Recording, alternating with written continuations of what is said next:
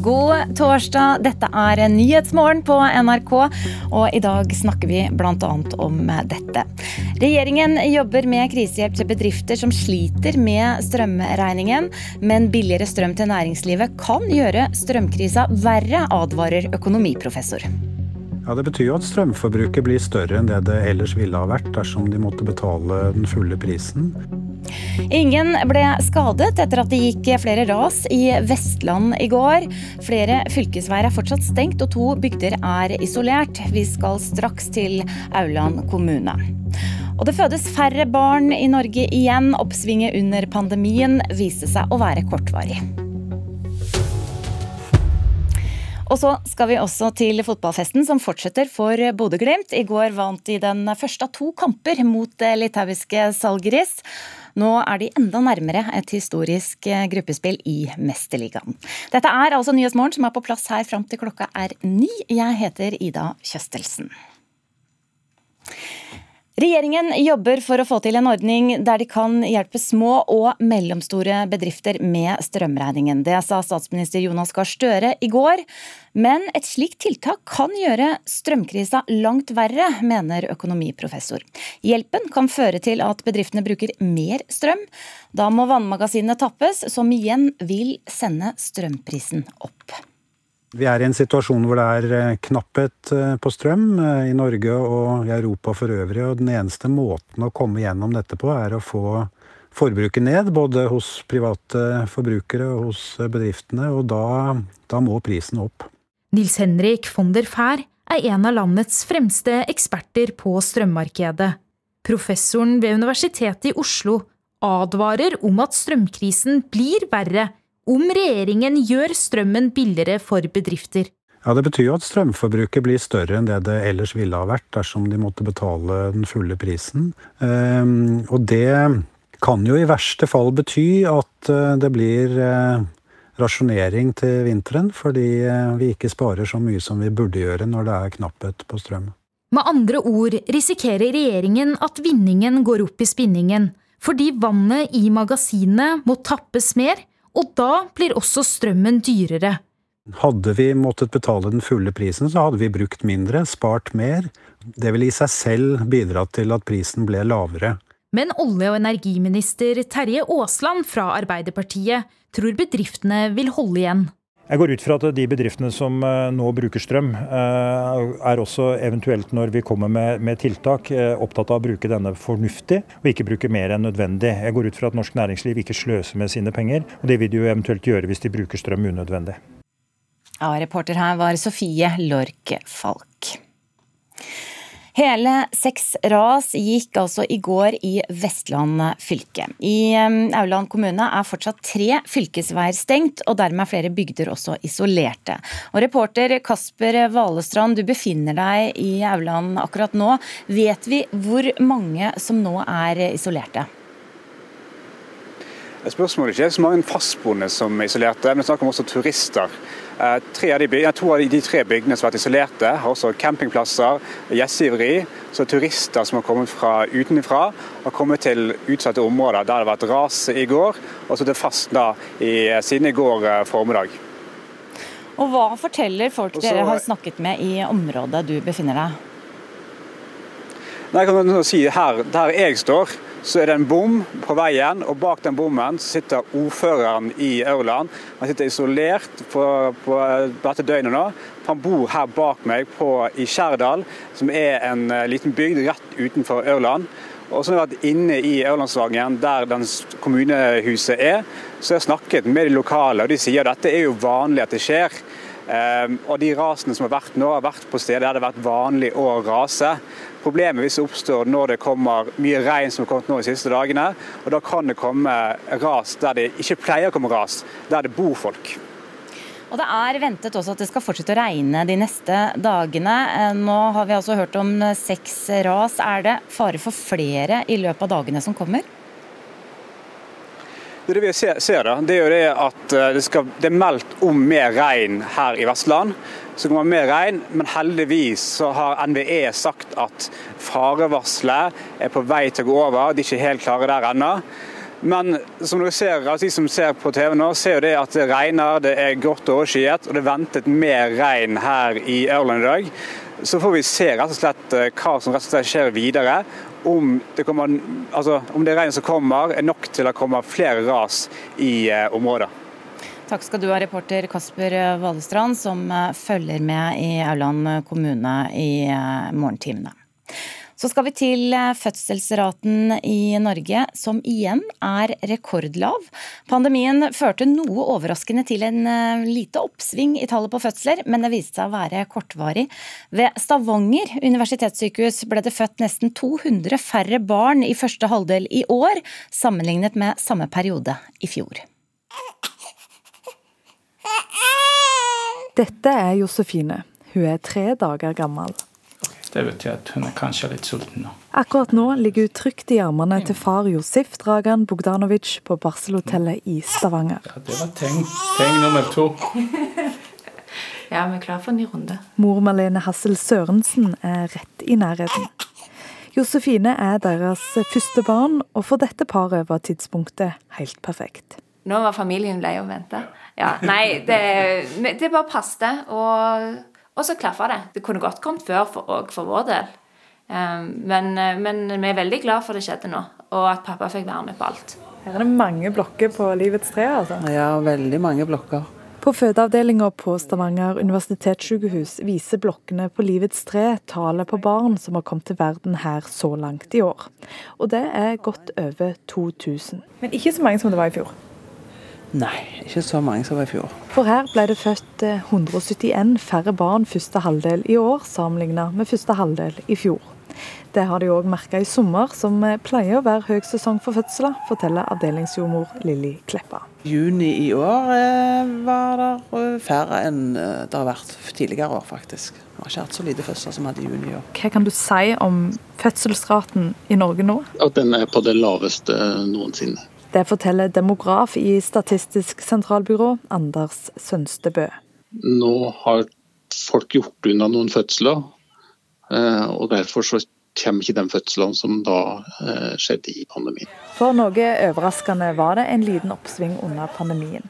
Det ble født om lag 56 000 barn i Norge i 2021. Det var rundt 3000 flere enn året før, og det førte til at fruktbarheten i Norge steg for første gang på tolv år. Men SSB sine tall fra første kvartal i år viste at fruktbarheten nå er lavere enn før oppgangen i 2021. Det var helt uventa for alle eh, at vi fikk et oppsving i antall fødsler. Tolkningen har dog vært at fødsler for etablerte par som var planlagt, ble tatt litt på forskudd av det som egentlig var planlagt. Men er det like overraskende at eh, fødselstallene nå da går ned igjen? Nei. Det var vel mange som trodde at ville skje. Det er helt greit at det er ikke er en koronababy. Det sier den nybakte mora i Stavanger. Så jeg håper vi får barselgruppe og masse sosialt og sånne ting. Kan det bli flere? Yeah. etter denne opplevelsen så, så, har jeg jo lyst til å gjøre det igjen allerede. Um, trenger, trenger litt, litt mer tid for å recover. Ja, far trenger litt mer eh, tid, i hvert fall. Her hørte vi reporter Kjersti Hetland.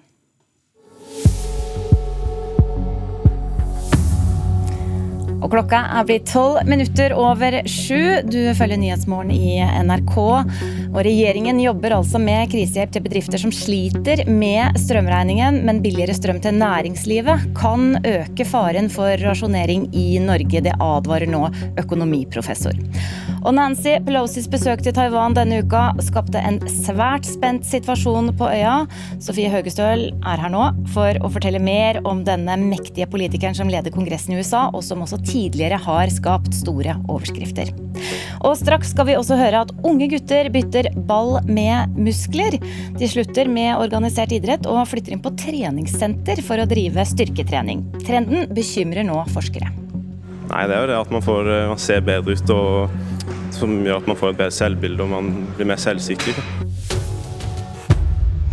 Men nå til eh, Sør-Kina-havet og Taiwan, der Kina har startet en storslått militærøvelse. Folkets eh, frigjøringshær omringer nå øya Taiwan og øver på å gjennomføre en blokade. Øvelsen er Kinas svar på den amerikanske spikeren eh, Nancy Pelosis besøk til Taiwan denne uka. Og reporter Filippe Bedås Ulvin, hva vet vi om denne øvelsen? Den startet i dag da klokken seks norsk tid, og da nå som eh, Pelosi har eh, forlatt øyen, eh, nettopp for å ikke skape for høye spenninger. Men denne øvelsen er på en måte det er full pakke. Det er marine, luftforsvar og bakkestyrker som er med, i seks, og det øves i seks forskjellige felt rundt Taiwan. Det skal skytes missiler over øya og inn i havet. Eh, for første gang. Eh, og eh, det har til og med vært meldinger om hackerangrep, selv om Taiwan da har et veldig dyktig cyberforsvar. Så det var ventet at det skulle komme noe stort som motreaksjon fra Kina, fra Kina men det her er jo på en måte eh, fullstendig uten sidestykke. Ja, kan vi si at dette skiller seg vesentlig fra øvelser Kina har hatt tidligere? Eh, det kan man. Eh, Eh, Kina har hatt eh, lignende øvelser før. Eh, under den tredje Taiwan-krisen på 90-tallet så gjennomførte Kina en øvelse som også var ganske storslått, men da holdt de kinesiske styrkene seg utenfor taiwanske territorielle farvann. De holdt seg på den andre siden av den såkalte medianlinjen, som skiller Kina og Taiwans eh, havområder.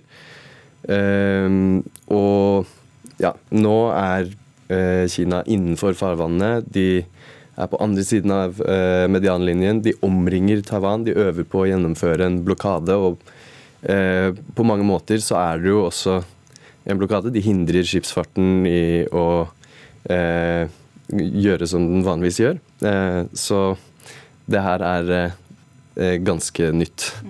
Og hvordan svarer taiwanerne på dette? Eh, nei, det, det, er jo en stor utfordring for Taiwan. Eh, fordi på en måte så kan de ikke eh, svare så veldig hardt for å unngå at det her eskalerer til eh, krig. Men eh, man har bl.a. sett at de har fyrt av eh, varselskudd mot enkelte uidentifiserte flyvende objekter som har kommet nær landegrensene Eh, deres. Eh, og eh, de har også fordømt det her, selvfølgelig, og sier at det er mot internasjonal Det strider mot internasjonal rett. Men det kanskje viktigste Taiwan gjør, er å samle internasjonal støtte. Og det har vi sett at de har fått, bl.a. fra G7 nå i dag. Mm. Takk skal du ha, Filippe Bedås Ulvin. Og vi hører altså at Pelosis besøk har skapt store konsekvenser for Taiwan. Vi skal snakke litt mer om denne eh, omstridte, kan vi kanskje si, toppolitikeren i USA. Eh, hun har lang fartstid i amerikansk politikk og trosset altså rådene fra kinesisk utenriksdepartement da hun tok turen til Taiwan. Hun har også skapt overskrifter tidligere. And my fellow Americans, the best is yet to come. Thank you. God bless you. And God bless America. Thank you very much. She did. Wait. She sure did.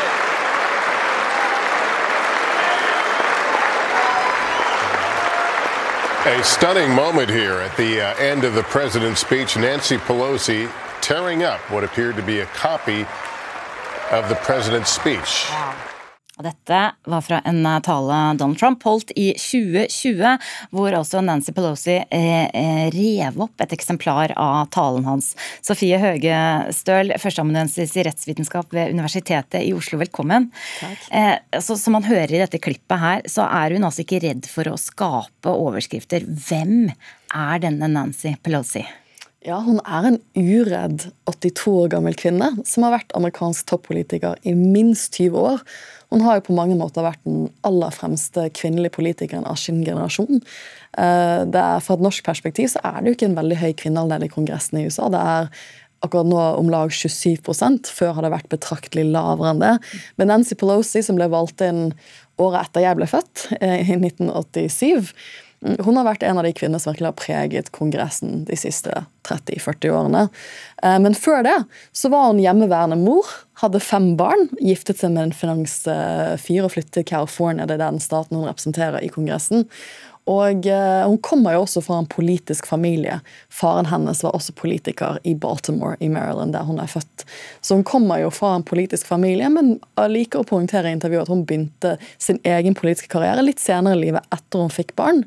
Og nå har hun, som BBC skrev om profilen henne de siste dagene, og da skrev de at hun er en politiker som har gått helt til topps, og så har hun blitt ved toppordet mm. i amerikansk politikk. Og banebrytende på mange måter. Mm. Som første kvinne til å være speaker for Representantenes hus. Mm. Hvilken betydning vil du si hun har? Hun har en stor betydning. Jeg tror For mange kvinnelige politikere så viste hun knuste et ganske betydelig glasstak i 2007 da hun ble eh, Speaker of the House, som er en av de mektigste posisjonene man kan ha i amerikansk politikk.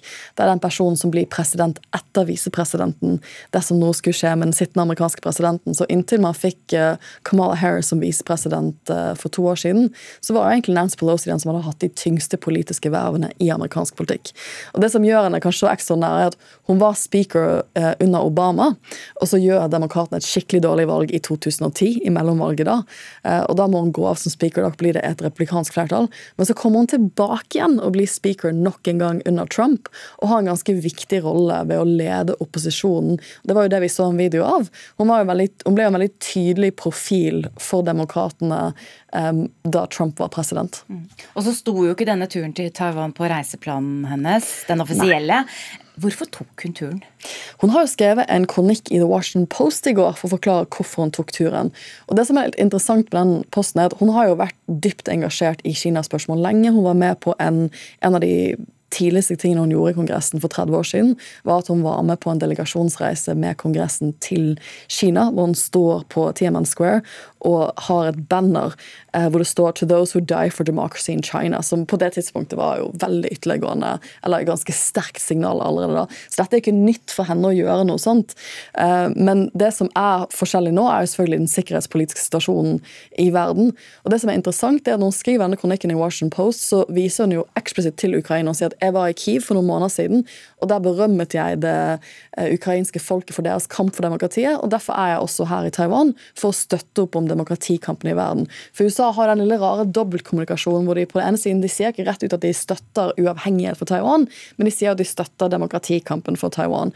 Så hun linker jo dette her til det større sånn demokratibildet i verden. Mm. Og så har det jo vært snakk om eh, at det ikke er kanskje etter Joe Bidens vilje at hun mm. tok eh, besøket, men kan det tenkes at det lå en større velsignelse bak eh, enn vi har fått inntrykk av? Jeg tror nok mange vil spekulere det. Altså, The, Wash, uh, The New York Times hadde en lengre artikkel i går om at uh, Biden og folk rundt han er ganske misfornøyde, for de har lagt en Asia-strategi hvor de har jobbet ganske møysommelig for å få til en viss type økonomisk politikk i Asia. Og så kommer hun inn og driver litt sånn privatpraktiserende utenrikspolitikk som lederen av Underhuset i Kongressen.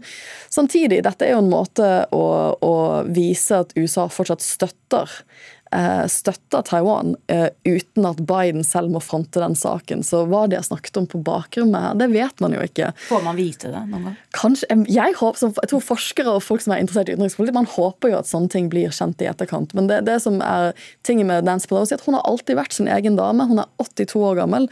Det, alt ligger jo an til at hun kommer til å gå som speaker etter valget i høst. Så dette er nok den siste tingen hun virkelig gjør i amerikansk toppolitikk. Mm. Takk skal du ha for gjennomgangen, får vi si. Eh, Sofie Høgestøl, førsteamanuensis i rettsvitenskap ved Universitetet i Oslo. Så skal vi til noe annet vi har fulgt med på denne uka, nemlig lasteskipet Rasoni, som altså er på vei eh, med korn fra Ukraina. Hvert år går nærmere 50 000 skip gjennom Bosporos-stredet, men få skip får så mye oppmerksomhet som dette lasteskipet, som altså har dette ukrainske kornet i lasten. Juruk Isik er lidenskapelig opptatt av lasteskip og har fulgt med døgnet rundt.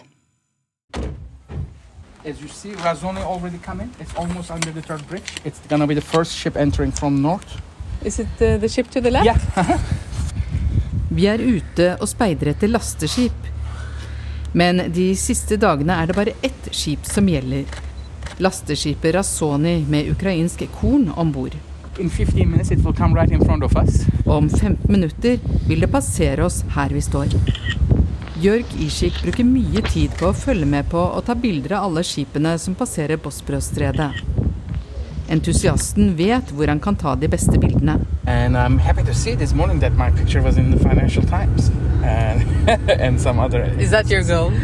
Um, no, but it was. Jeg ble glad da jeg så bildet mitt i dag i Financial Times, sier han, men avviser at det er det som driver ham. When there's recognition, it's nice, but that wasn't the goal. Ukraina blir ofte omtalt som en av verdens kornlagre. Avtalen om å frakte ut over 20 millioner tonn korn derfra, som Russland har blokkert siden krigens start, er viktig, selv om den har sine begrensninger, mener den geopolitiske analytikeren. This is a limited deal. It is very important, given that there was global food uh. Gitt at det er en global matkrise som i verste fall kan føre til politisk uro i Nord-Afrika og Midtøsten, er den viktig.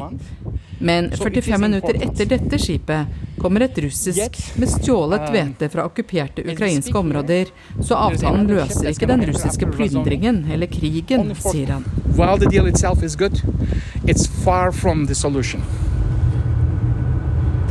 Here it is. Razon is gone right there. Vi fortsetter sørover langs Bosporosstredet. På det smaleste er stredet bare én kilometer. So it's a really perfect spot. It gives a great clue um. Ved å følge med på båttrafikken her får man signaler på hva som er i ferd med å skje i verden. For example, before um, before Russia's engagement was official in the in the Syrian war, F.eks.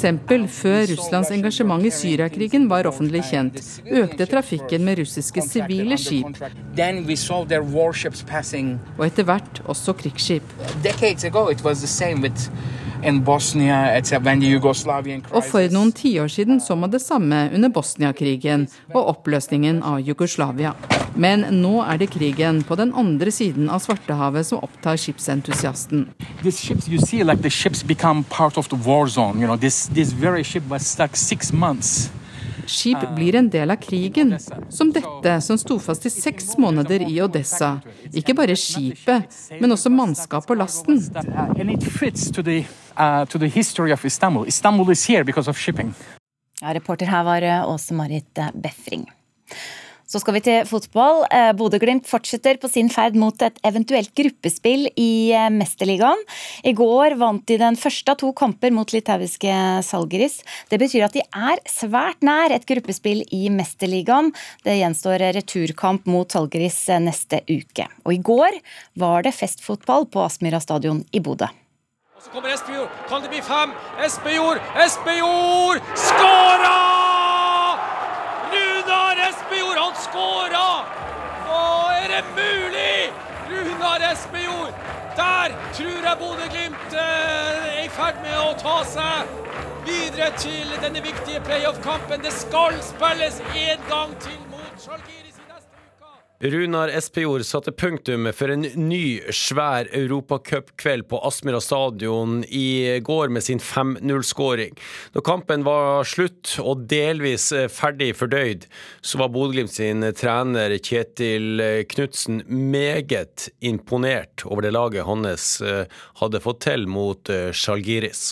Ja, En fantastisk prestasjon i dag. Eh, Jeg har sagt det, jeg trodde faktisk ikke at vi kunne komme opp på det nivået ennå. Vi jobber med det, men den prestasjonen i dag kan måles med mange av de aller beste prestasjonene vi har hatt de siste tre og et halvt årene. Og det, det er vanvittig å få ut i en Champions League-kamp i Q3. Som er, så det i dag trykket vi inn gassen etter to minutter. Så holdt vi han inne til dommeren blåste, med noen få unntak. Men den kraften og det trøkket vi har i oss i dag, både defensivt og offensivt, det må vi bare litt Jeg er nesten litt målløs at vi fikk ut en sånn prestasjon i dag. Vi jobber beinhardt alle mann, og og den responsen vi får i dag, og med den rammen rundt, og at det her er produktet Bodø-Glimt. Og vi, leverer en sånn sinnssyk prestasjon i dag. og det, det, Jeg er bare stolt av det. Jeg, jeg ja, tar, tar, meg alt jeg har, egentlig, for at vi, vi, klarer å komme oss opp på et sånt nivå. Så må vi nyte det da, da, tenker jeg at ok, det, det nivået har vi inne nå. og Så må vi være opptatt av å videreutvikle dette. For det at å gjøre det i enkeltkamper, det, det er fint. Men vi ønsker jo å gjøre det jevnt og trutt. Det blir den neste jobben. Bodø-Glimts trener dette her, Kjetil Knutsen, til Bjarne Brandal. Flere og flere unge bytter ut organisert idrett med styrketrening på helsestudio. Store muskler er en stor motivasjon, og dette bekymrer nå forsker. Det går mot slutten av treningsøkten for kompisgjengen i Arendal. 17-åringene har tilbrukt mye tid det siste halve året, og det er ikke tvil om hva motivasjonen er. Nei, Det er jo det at man, får, man ser bedre ut, og som gjør at man får et bedre selvbilde og man blir mer selvsikker. Sier Sebastian Holter Nilsen. Dobbelt så mange unge velger treningsstudio fremfor organisert idrett, viser SSB-tall fra 2021.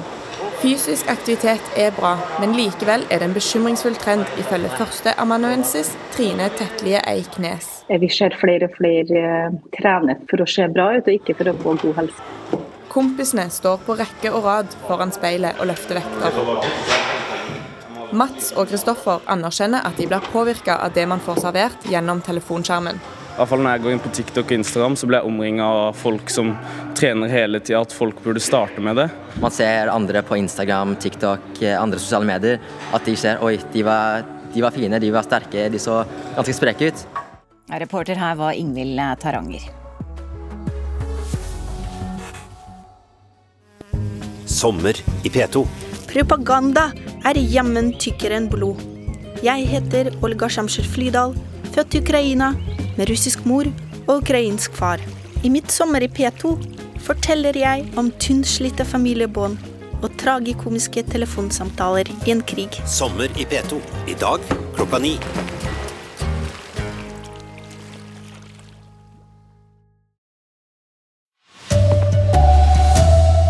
Billigere strøm til næringslivet kan gjøre strømkrisa enda verre, advarer økonomiprofessor. Det fødes færre barn i Norge. Og TV-serier har gjort gammel musikk populær igjen. God morgen, du hører på NRK Dagsnytt og klokka er 7.30. Regjeringen vil hjelpe små og mellomstore bedrifter med strømregningen. Det sa statsminister Jonas Gahr Støre i går. Men et slikt tiltak kan gjøre strømkrisa enda verre, mener økonomiprofessor. For hjelpen kan føre til at bedriftene bruker mer strøm. Da må vannmagasinene tappes, og det igjen vil sende strømprisen opp. Vi er i en situasjon hvor det er eh, knapphet eh, på strøm eh, i Norge og i Europa for øvrig. og Den eneste måten å komme gjennom dette på, er å få forbruket ned, både hos private forbrukere og hos bedriftene, og da, da må prisen opp. Nils Henrik von der Fær er en av landets fremste eksperter på strømmarkedet. Professoren ved Universitetet i Oslo advarer om at strømkrisen blir verre om regjeringen gjør strømmen billigere for bedrifter. Ja, Det betyr jo at strømforbruket blir større enn det det ellers ville ha vært dersom de måtte betale den fulle prisen. Ehm, og det kan jo i verste fall bety at eh, det blir eh, rasjonering til vinteren, fordi eh, vi ikke sparer så mye som vi burde gjøre når det er knapphet på strøm. Med andre ord risikerer regjeringen at vinningen går opp i spinningen, fordi vannet i magasinene må tappes mer, og da blir også strømmen dyrere. Hadde vi måttet betale den fulle prisen, så hadde vi brukt mindre, spart mer. Det ville i seg selv bidratt til at prisen ble lavere. Men olje- og energiminister Terje Aasland fra Arbeiderpartiet tror bedriftene vil holde igjen. Jeg går ut fra at de bedriftene som eh, nå bruker strøm, eh, er også eventuelt når vi kommer med, med, tiltak, eh, opptatt av å bruke denne fornuftig, og ikke bruke mer enn nødvendig. Jeg går ut fra at norsk næringsliv ikke sløser med sine penger, og det vil de jo eventuelt gjøre hvis de bruker strøm unødvendig. Reporter var Sofie Lork Falk. Det gikk eh, hele seks ras i Vestland fylke i går. I Auland er fortsatt flere fylkesveier stengt, og dermed er også flere bygder isolert. Reporter Kasper Valestrand, du er i Auland. Hvor mange mennesker er isolert etter raset?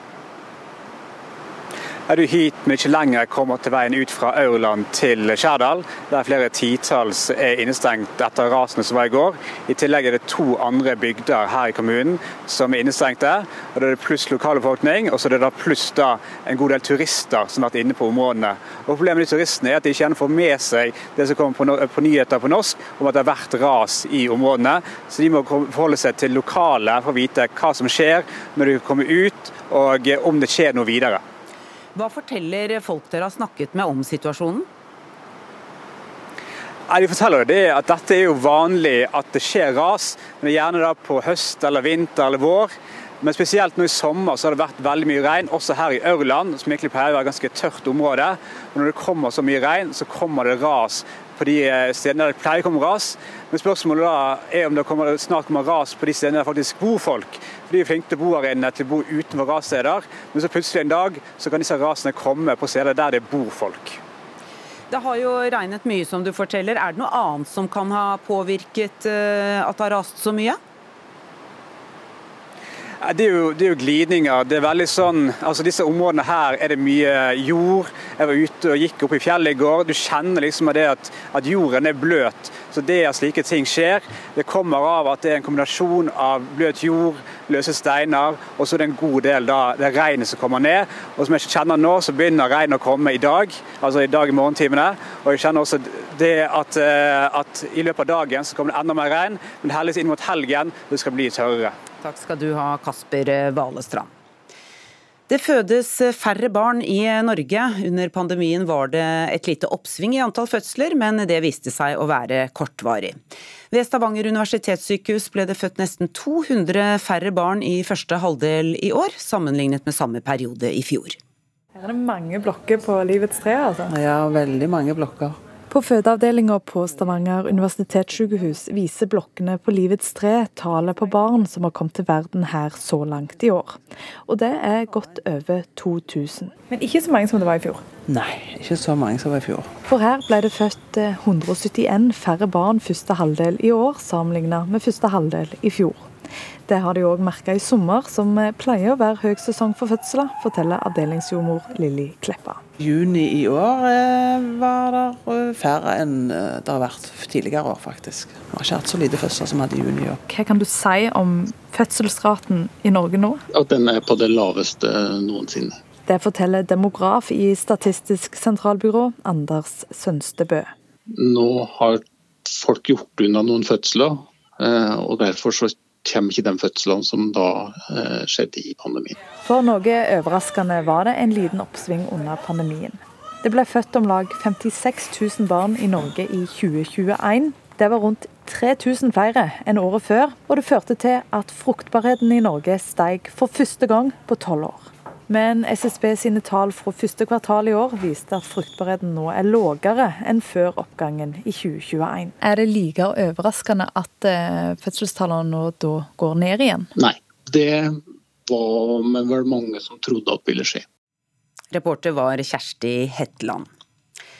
Nå til eh, Sør-Kina-havet og Taiwan, der Kina har startet en storslått militærøvelse. Folkets frigjøringshær omringer nå øya Taiwan og, over, og øver på å gjennomføre en blokade.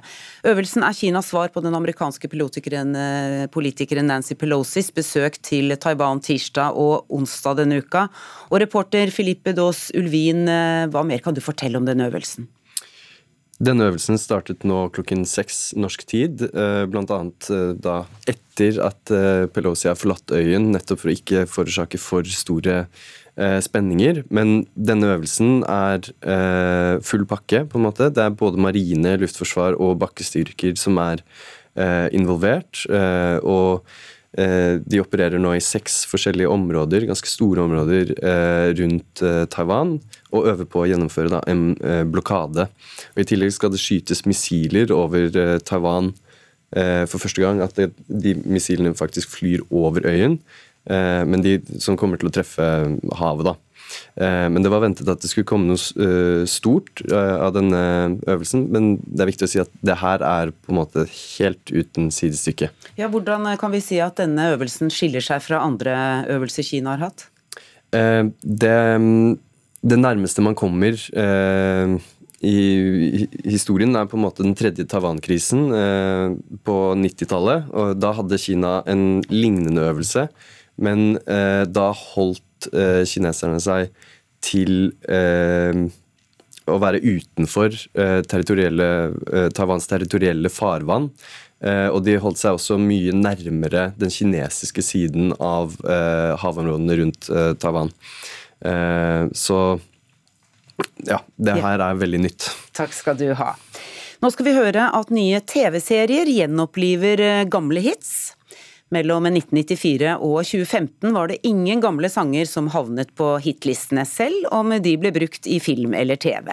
Men i år er det mye gammel musikk som har fått fornyet popularitet, takket være TV-serier som Stranger Things. Islandske Haldora Run Bergman synes det er vanskelig å peke på nøyaktig hvorfor hun ofte setter på denne låta når hun er på karaokebar. Have you sung it before on karaoke? Most definitely.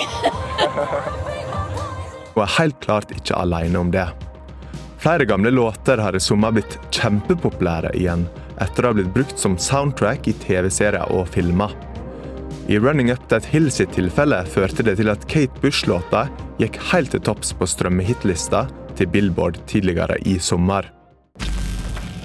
Det er ikke bare Kate Bush som har fått en ny vår pga. Stranger Things. Metallica har nådd et nytt publikum pga. serien. Ifølge medieforsker Anja Nylund Hagen spiller det sosiale mediumet TikTok en viktig rolle i at vi nå ser en ny retrobølge som også får veldig synlig effekt i salg og strømmetall. Som fører til en eksplosjon av folk på TikTok som tolker 'Running Up That Hill' på sin måte.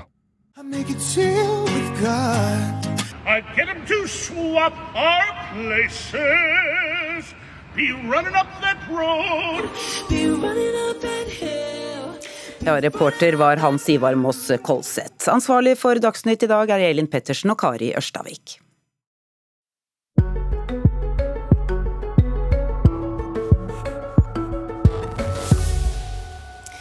Nordmenn drar igjen på handletur til Sverige. Flere kjøpesentre på andre siden av grensen har hatt en økning i omsetningen på hele 70% fra i fjor. Og Sammenlignet med normalåret 2019 har det vært en økning i besøket på hele 20 de er egentlig ganske gode. Ja, det burde holde for i kveld i hvert fall. Nordmenn tilbake på handletur på Longflon shoppingsenter i Sverige, tre mil fra Trysil. Vi kjøper eh, godteri og øl og, og knekkebrød. Jeg har økt veldig mye, så det, det er full fart. Her er 90% av kundene nordmenn. Det er fra Norge, ja. ja. Det er vel billigere her, da. Men nå tar det som en tur i dag. Tar det som en tur, ja. Ja, en ferietur. Under sommeren har det jo vært ekstremt mye visse uker. Det har vært mye å gjøre. mye å gjøre. Det er jo kjempeviktig, det er det, etter den lange pandemien som har vært. Sier Hanna Jardhammar på godteributikken og Niklas Idekjær, sjef ved matbutikken på Longflon shoppingsenter. Nå er det kjempetrivelig å se norske kunder tilbake. Veldig viktig at vi får kunder som kommer over. Vi har jo hatt en stengt grense nå i tre år, og det har vi merket. Mye folk har det vært. Norge det meste. Ja, hvilke varer er det som er mest populære? Kjøtt, tobakken og spriten. Annika Persson er veldig glad. Hun mista jobben under pandemien, men etter at grensa åpna og norske kunder kom tilbake, fikk han ny jobb i matbutikken her på Longflon. Det syns jeg er kjempebra, for da finnes det jobb. Da har jeg vært utenfor ut. Så det er kjempebra. Også andre shoppingsentre på andre sida av svenskegrensa melder om eventyrlig sommertrafikk i år. Når vi ser på omsetningen isolert sett for juli i Strømstad, så økte vi omsetningen med 20 tilnærmet for, eh, for hele juli måned. Ser vi mot samme periode i fjor, så økte vi med 70% Sier Marianne Håkonsen i Remix Consulting, som forvalter Longflon og Strømstad shoppingsenter. Den norske kunden er tilbake, og vi har hatt en økning av besøkende på hele 20% i juli i forhold til samme periode i 2019, som er det året vi nå sammenligner våre tall med. Prisen er halvparten av norske priser. Også ved Nordby shoppingsenter ved Svinesund har omsetninga av mat nådd nye høyder, forteller butikksjef for matbutikken der, Ole Jørgen Lind. Vi har rett og slett uh, hatt den beste sommeren noensinne. Hvis vi isolerer det til juli i hvert fall, så har den vært uh, all time high, som det så fint heter. Det var pågått ja, hver dag. Sjef for Charlottenbergs shoppingsenter, Claes Sjøholm, sier det har vært litt færre kunder i juli i år enn før pandemien, men at nordmenn nå bruker mer penger og fyller bilen med flere varer enn før. Dermed er omsetninga opp mot rekordåret 2019. Du, vi tenker at eh, det å handle på grensen er noe mange nordmenn synes er en fin aktivitet, enten de tar det som en dagstur eller som en del av ferien. Så det å på en måte grensehandle, og som alle mente var en aktivitet som kom til å gå over etter at vi var gjennom denne pandemien, de tok feil. Det er jo kjøtt og drikke og tobakk, og så pålegg krisa i Norge. Det er voldsomt i Norge i hvert fall. Tilbake på Longflon tror Irene Brenningen fra Toten økte priser i Norge er årsaken til at så mange drar til Sverige. Det er rimeligere her, ja. Det er det. Hvor viktig er det nå at det går bra? Man har tappet ganske mye under to og et halvt års tid, så man måtte ta, ta igjen. Og det er vi på god vei å gjøre nå. Hvordan ser du på framtida nå? Positivt. Mye positivt. Ja, Det sa Niklas Idekjær, sjef matbutikken Eurocash på Longflon shoppingsenter. Og reporter her var Stein S. Eide. Og dette er Nyhetsmorgen i NRK. Vi skal straks slippe til sommerkvarteret, men vi tar med oss et par overskrifter før det. Regjeringen jobber med krisehjelp til bedrifter som sliter med strømregninga, men billigere strøm til næringslivet kan gjøre strømkrisa verre, advarer økonomiprofessor. Og det fødes færre barn i Norge igjen. Oppsvinget under pandemien viste seg å være kortvarig. Kina har startet en storslått militærøvelse i Sør-Kina-havet og på Taiwan. Folkets frigjøringshær omringer nå øya og øver på å gjennomføre en blokade. Og øvelsen er Kinas svar på den amerikanske politiker Nancy Pelosis besøk på Taiwan denne uka. Politisk kvarter har tatt sommerferie, men i sommerkvarteret får du møte kjente og ukjente stemmer. I dag har Kristina Kassa Bliland møtt Kristina Bjørnsen, som er kjøpmann på 7-Eleven i Sandnes i Rogaland. Men hun er også mer enn det. Hun er viktig for rusmiljøet i byen.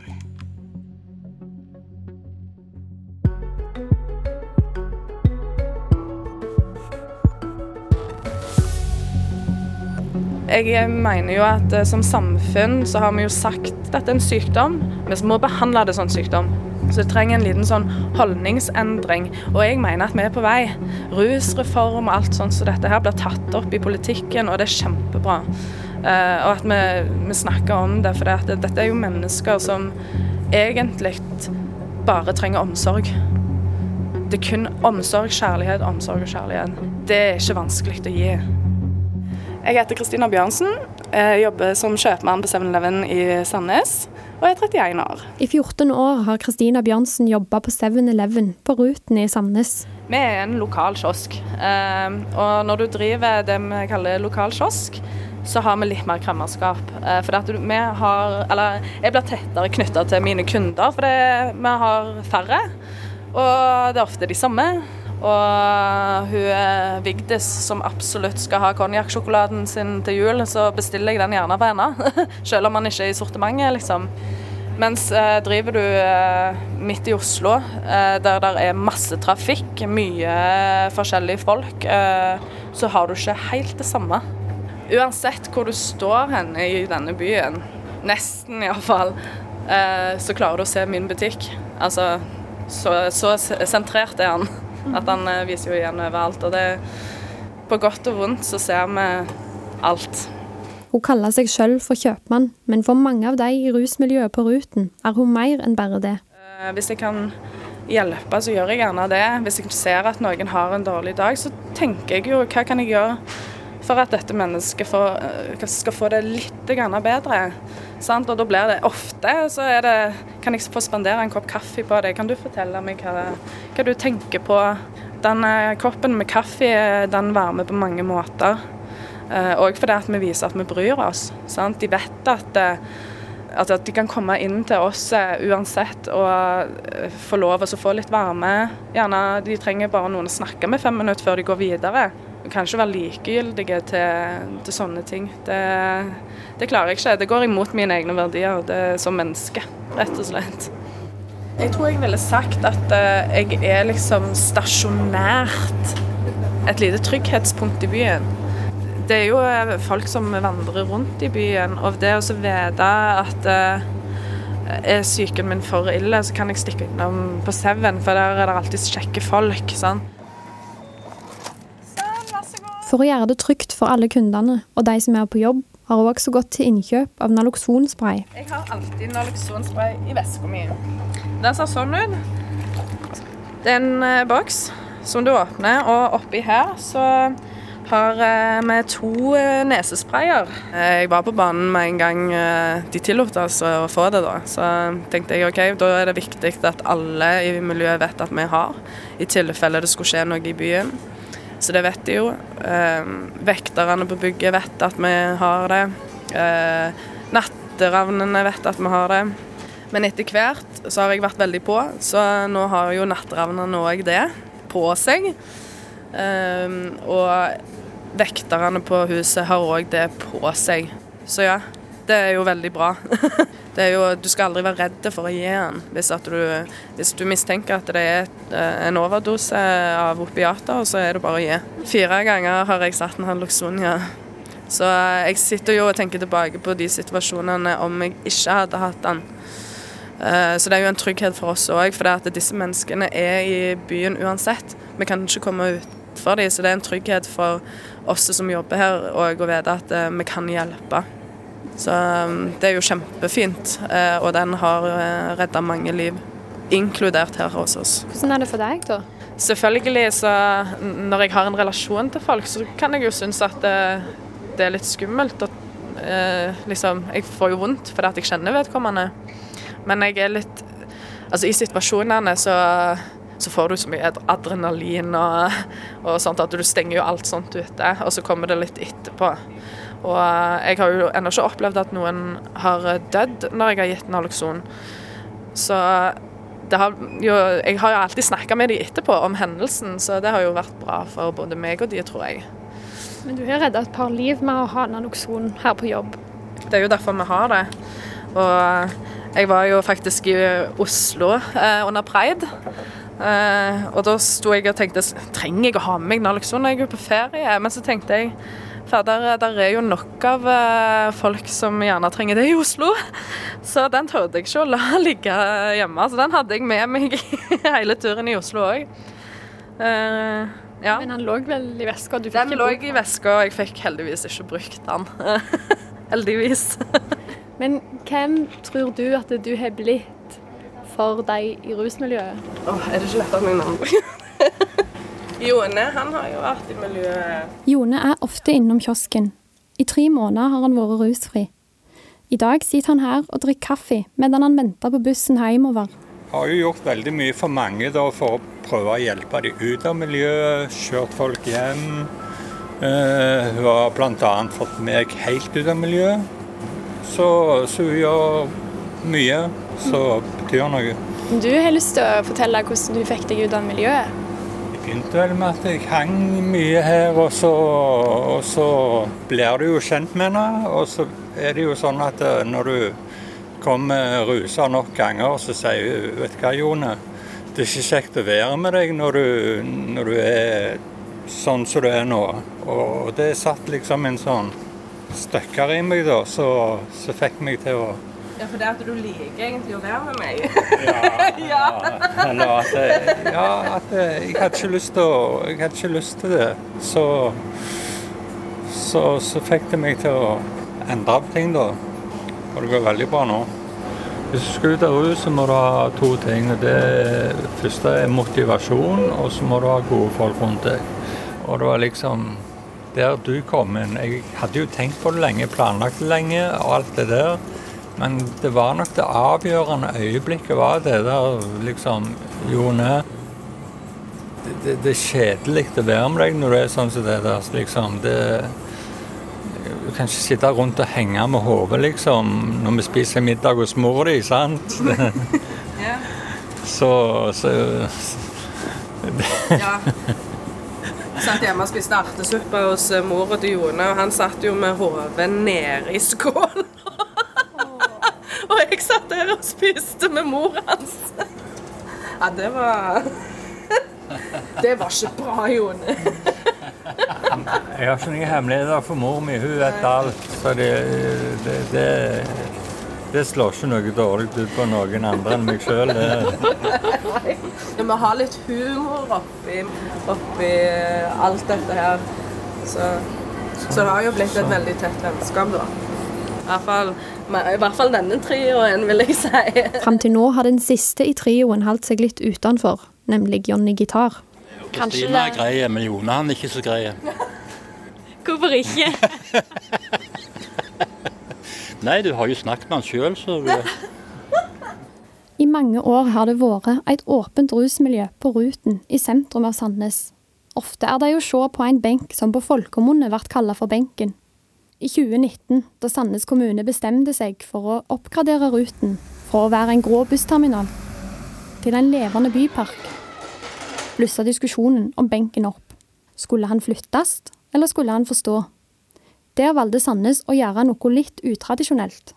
Benken fikk stå, og fikk i tillegg en oppgradering sjøl. Du kan ikke flytte det alternativet mye lenger vekk fra byen, for da hadde det ikke blitt brukt. Sånn? Og da finner jo folk bare en annen plass å være istedenfor, og da er det jo helt meningsløst å investere penger i det eller noen ting som helst. Så det at benken står der han gjør, eh, og blir såpass godt brukt som det han gjør, det er helt fantastisk.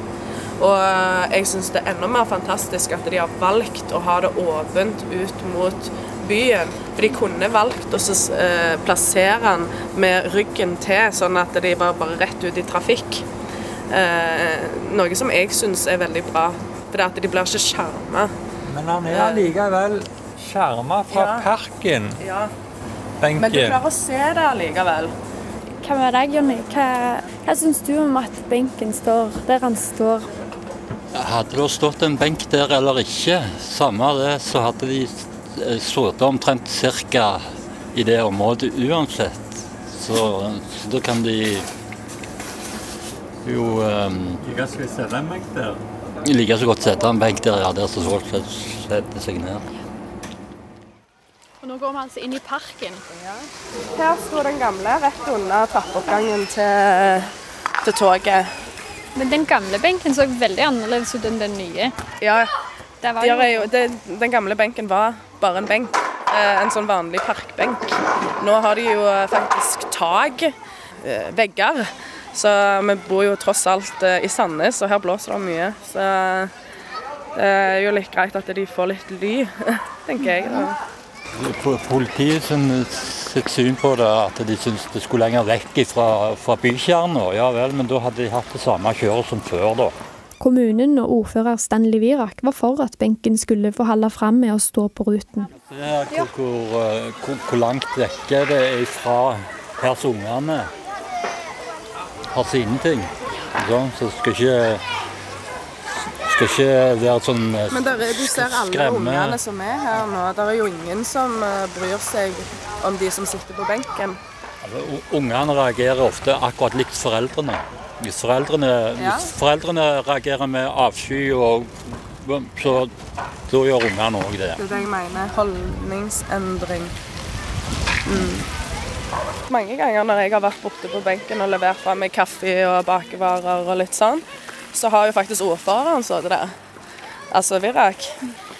Jeg har så stor respekt for den mannen der. Han, eh, for han inkluderer de. Han spør hva er det dere tenker når vi skal bygge benken. Altså det, det er så rett. Han gjør det så rett. Og det er så viktig. Han, eh, han har gjort mye bra. Det er ganske mange på benken denne dagen. I Haugesund så har vi Steinparken. Her har vi benken. Så alle byer har en sånn plass der uh, byens glade gutter møtes. Byens glade gutter, ja. Ja, det er det. Ja. Ja, for vi snakket litt om eh, Og for den jobben hun gjør, fikk hun heider og ære under riksmøtet for kjøpmenn i Reitan. Takk På vegne av jordkloden. Ja, de fikk meg opp på stolen eh, og sa masse fine ord. Eh, Jeg fikk litt panikk, for det var veldig uh, uventa. Så jeg uh, sovna litt ut. Jeg fikk nesten ikke helt med meg hva som ble sagt. Men jeg har jo sett videoen etterpå, da, og det var jo veldig store, fine ord. Hva betyr det for deg å høre det her? Jeg får jo en bekreftelse fra mitt eget team og min egen arbeidsplass at eh, det du gjør er bra. Sant? Og greia er jo at jeg har jobba sånn som dette her i alle år. Det er bare at folk har først begynt å legge merke til det nå. Så jeg har fått veldig mye oppmerksomhet på kort tid. Alle her i kveld og utover natten gir deg 1000 klemmer. Kristina! Da er det is om ti minutter. Og bare der. Ja, I alle de åra som jeg har holdt på, så har jeg aldri hatt et mål om å gjøre folk rusfri. Så jeg blir jo, når han sier at jeg er en stor del av det, så, så får jeg litt tårer i øynene. For uh, det hadde jeg aldri trodd jeg skulle få det. Og det var ikke et mål heller, så det er bare en bonus. Rett og slett. Så ja. Men det viser jo at, uh, at mye av det vi gjør, uh, vi skaper hverandre. sant? Så hvordan du behandler andre mennesker, har ringvirkninger til eh, på mange nivå. For eh, nå, når han har klart å holde seg rusfri, så har jeg òg gjort noe for familien hans. Sant? Eh, og med tanke på det, sant? da er det ikke bare ett menneske, da er det kanskje 50 mennesker. Sant? Det, det er stort. Mm, vi er jo så heldige å ha en fast kunde her som eh, eh, pleide å komme og sitte drikke kaffe kun. men da òg så litt hvordan vi jobba med de forskjellige menneskene som kom innom. og så ble jeg jo ganske imponert over hvordan vi jobba, og hadde lyst til å være med og bidra. Hun har jo sagt til meg at det hadde ikke skjedd hadde ikke hun sett hvordan jeg jobba. og det blir jeg veldig, veldig varm om hjertet for å høre, for det er jo nettopp det jeg jobber litt mot. å Prøve prøve å være litt dominoeffekt. Påvirke andre litt. For det funker. Det, det gjør det.